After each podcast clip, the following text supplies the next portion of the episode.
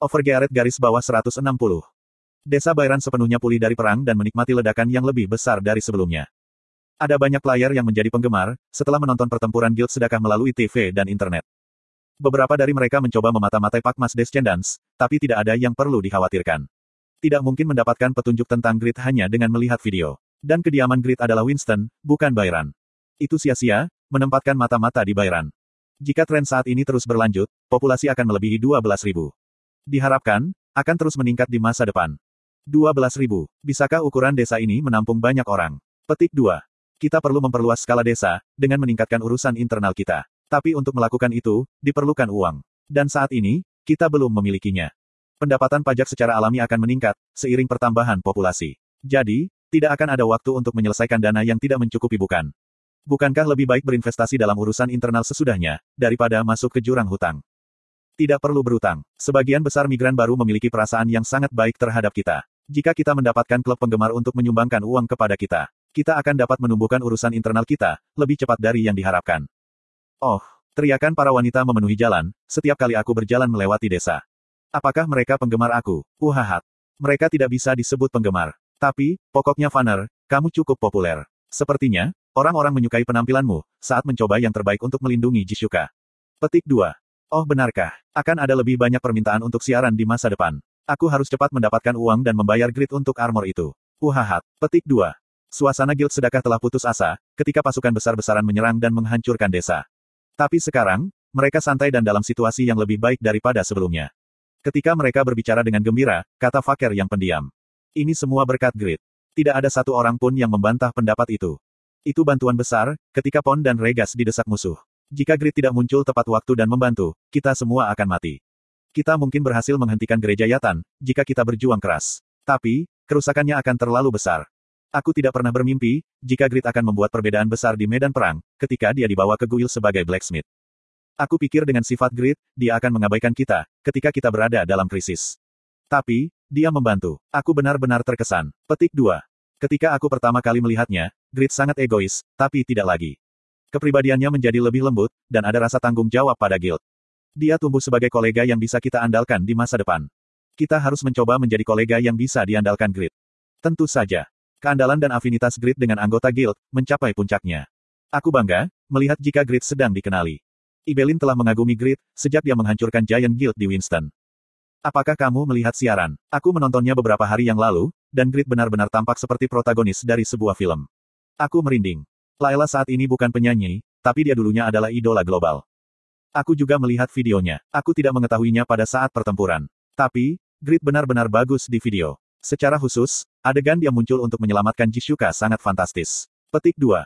Ruang pertemuan kastil desa Bairan. Anggota guild yang duduk di sekitar meja bundar besar, mengalihkan pandangan mereka ke arah Jisuka. Kemudian, mereka berbicara dengan ekspresi lucu. Pada saat itu, Jisuka terlihat berbeda dari biasanya.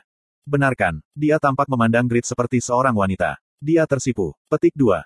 Guildmaster, apakah kamu tertarik dengan Grid? Petik 2 Petik 2. Jisuka tidak menyangkal kata-kata anggota serikat. Memang benar, jantungnya mulai berdetak kencang, saat Grid menyelamatkannya dari kematian. Dia benar-benar keren, tapi, dia sudah menikah. Jisuka bergumam dengan suara kecil, dengan ekspresi sedih. Tidak ada yang mendengarnya dan terus berbicara, kecuali Fakir yang memiliki pendengaran yang sangat baik, karena sifat kelas assassins. Guildmaster akhirnya tertarik pada lawan jenis. Fakir tersenyum jarang dan mengubah suasana. Aku dengar, blacksmith di desa Bairan telah menjadi blacksmith tingkat advance. Topik berubah dalam sekejap. Ah, Aku juga mendengarnya. Bukankah aneh? Seorang lelaki tua yang terjebak di beginner blacksmith selama beberapa dekade, tiba-tiba menjadi blacksmith tingkat advance dalam beberapa hari. Aku tidak tahu mengapa, tapi masih bagus. Berkat itu, kecepatan produksi dan kualitas senjata telah sangat meningkat. Sehingga, lebih mudah untuk mengisi ulang pasukan. Blacksmith tingkat advance, aku menantikan sinergi dengan anak penambang jenius, yang direkrut oleh Grid seminggu yang lalu. Jika kekuatan keduanya ditambahkan ke kekuatan Grid Kou, itu besar. Hari ketika Guild akan memiliki kekuatan pasukan, suatu hari nanti akan tiba. Guild Sedaka adalah kumpulan orang-orang berbakat yang memimpikannya masa depan. Mereka menjadi guild terkuat, sejak perekrutan Grid. Jadi, potensi mereka untuk pertumbuhan tidak terbatas. Perpustakaan Desa Bairan. Apa yang aku lakukan? Bocah jenius, minor, kelelahan. Selama seminggu terakhir, dia telah membaca 16 jam sehari, dan secara mental berada pada batas kemampuannya. Dia tidak pernah mengambil buku, dan sekarang dia harus membaca dua buku sehari. Awalnya, dia hanya membaca buku tentang mineral, jadi dia tertarik. Tapi sekarang, dia harus membaca buku-buku yang berkaitan dengan geografi. Pada akhirnya, Minor bangkit dari tempat duduknya. Aku seorang penambang. Mengapa Raja Penambang masa depan harus membaca? Seorang Knight memperhatikan teriakannya.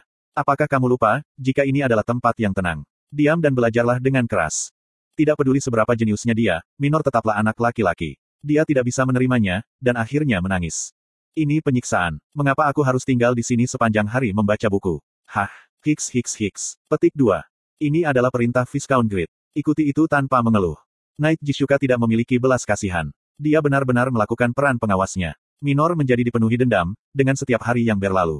Grit, orang jahat itu, aku akan membalas dendam nanti. Pada saat yang sama, Smith bengkel. Mengapa telingaku geli? Grit sedang membongkar, memasang kembali, dan meningkatkan perlengkapannya, seperti Holy Light Armor dan Dying Slave, untuk meningkatkan understandingnya. Smith mendekatinya dengan cemberut, dan menyarankan. Apakah kamu membutuhkan erbut? Tolong bersikaplah moderat. Dia masih merasa tidak aman, tentang kecenderungan Gay Smith. Grit ingin pergi dari sini secepat mungkin. Kaang, Kaang. Dia terus memalu. Grit lebih baik dalam membongkar dan memasang kembali barang-barang daripada sebelumnya. Lalu, dia mengalihkan perhatiannya ke pintu masuk bengkel. Aku telah menyelesaikan misiku dan kembali. Seorang lelaki Mongolia muncul, dengan waktu yang sempurna. Itu adalah Huroy. Dalam 12 hari terakhir, dia telah memimpin Yudas dan 100 tentara untuk memburu Ork. Dan sekarang, dia telah kembali. Akhirnya, Tiba waktunya bagi Grit untuk kembali ke Winston. Grit tersenyum pada pemikiran ini, dan menyambut Huroy. Kemudian, dia mengamati Jut menggunakan Sword Sovereign, yang dia masih belum dikembalikan ke Jishuka, atas alasan menemukan bakat lain. Nama. Jut. Pekerjaan.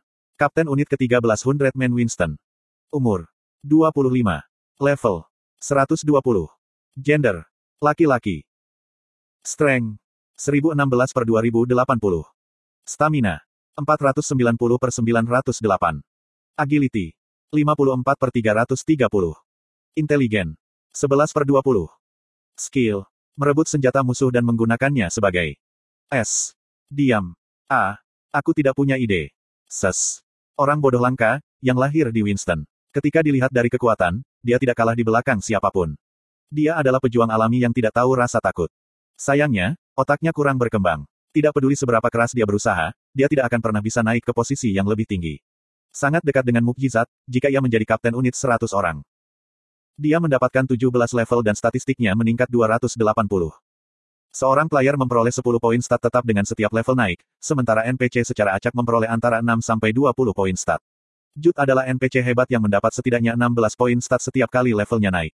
Jadi, itu adalah pertumbuhan yang benar-benar mempesona. Tapi ada satu bagian yang mengganggu. Bukankah inteligennya sama? Grid mengerutkan kening sesaat.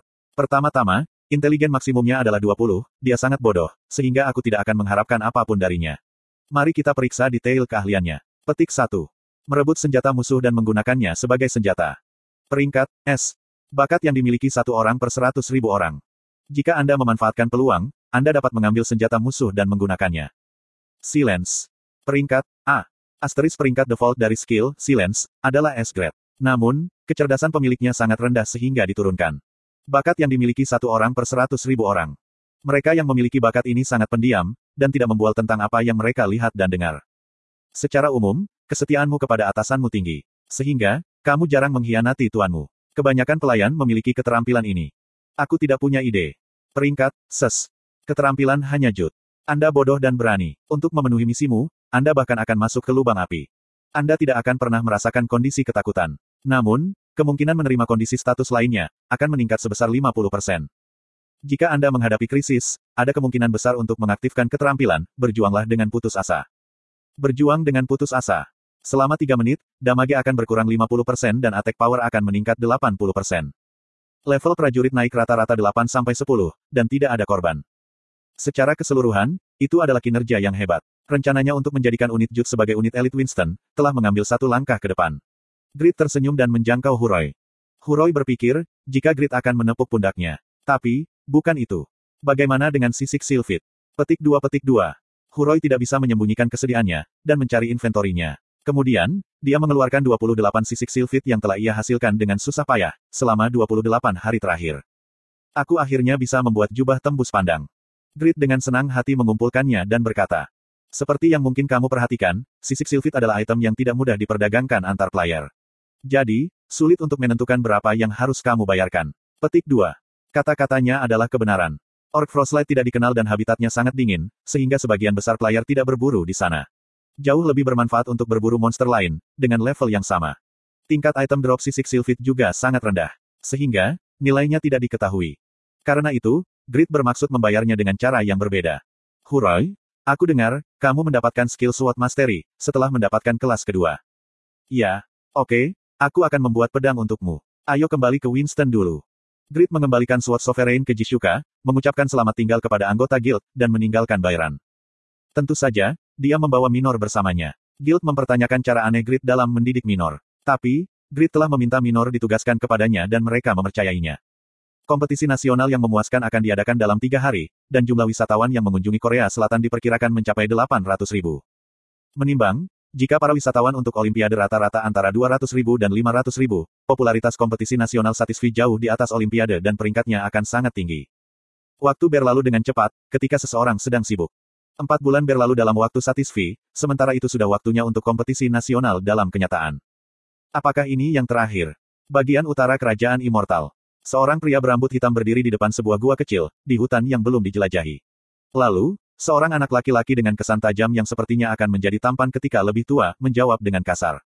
Ya, oke, okay, kamu tunggu di sini. Pria berambut hitam, Grit, mengeluarkan sesuatu dari inventorinya. Itu adalah jaket resleting berkerudung putih, yang dikenakan oleh kaum muda di masyarakat modern. Suatu hal yang luar biasa terjadi, begitu dia memakainya. Pria itu tiba-tiba menghilang. Itu adalah pemandangan yang tampak seperti dusta. Tapi bocah lelaki itu, Minor, tampaknya tidak terkejut sama sekali. Dia tampak seperti lelah dan bersandar di pintu masuk gua. Kemudian, setelah beberapa saat, sebuah ledakan besar terdengar dari bagian terdalam gua. Itu seperti gempa bumi, menyebabkan hutan di luar gua berguncang, dan burung-burung terbang ke udara. Tapi, Minor tidak bangun. Berapa banyak waktu tidur yang ia miliki, sehingga tidak bisa tidur nyenyak. Ik.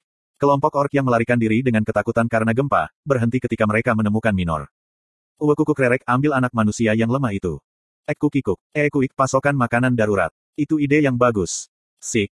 Para ork bertukar senyum licik, dan dengan diam-diam mengeluarkan kapak mereka. Kemudian mereka terkejut, ketika mereka dengan hati-hati mendekati Minor. Aku bisa menghindari tatapan golem, tapi tidak mungkin untuk menghentikan perangkap Braham. Tampaknya, Steel tidak berguna melawannya. Aku merasa buruk setiap kali pasifku menghilang. Ik. Di depan bocah yang sedang tidur. Suara seseorang terdengar, tapi tidak ada seorang pun di sana. Para ork meragukan telinga mereka, dan menggosok mata mereka. Tiba-tiba, pedang berbentuk hiu muncul dari udara tipis. Kick. Darah menyembur pada saat yang sama, dari lima ork yang tercengang. Seorang pria perlahan muncul di depan para ork. Itu adalah Grit yang mengenakan hoodie zip up. Dia bersiul, sambil memegang benjolan berbentuk telur di tangannya. Dengan ini, aku telah memulihkan semua Pafranium di kerajaan immortal. Oke, aku harus kembali sekarang. TL, ini tidak berarti, dia memulihkan semua Pafranium di benua, hanya yang di kerajaan abadi. Jika dia ingin mendapatkan semua pafranium yang disembunyikan Braham di sekitar benua itu, dia perlu menghidupkan kembali Braham, setelah menerima berkah dari Dewa Yatan. Tapi, saat itu tidak mungkin. Jadi, Grid mencoba mencari pendekatan yang berbeda. Itu untuk meningkatkan kecerdasan minor, memaksimalkan kemampuan pendeteksi mineralnya, dan kemudian menggunakannya untuk mencari langsung pafranium. Tindakan ini cukup untuk merangsang Braham. Pak Mas Descendan setelah mulai mempertanyakan identitasku. Maka, aku harus mengambil langkah berikutnya. Manajer tim Satisfi, Yun Nahi melaporkannya kepada Ketua Lim Cheolo. Kondisi kemunculan untuk kelas legendari baru, keturunan Braham, telah tercapai. Lim Cheolo menikmatinya. Kebenaran jika Braham adalah pembohong jahat, akhirnya ditangkap oleh Grid. Sepertinya, tidak mungkin. Yun Nahi membalas Lim Cheolo dengan ekspresi malu. Hahaha, teman itu masih sama, namanya ada di daftar kompetisi nasional. Jadi, akan sangat menyenangkan untuk ditonton. Orang yang mendaftarkan namanya di daftar bukanlah dia, tapi Yura yang didukung oleh pemerintah Korea. Tidak mungkin, dia akan berpartisipasi dalam kompetisi nasional. Lim Cheolo tersenyum penuh arti. Apakah benar-benar seperti itu?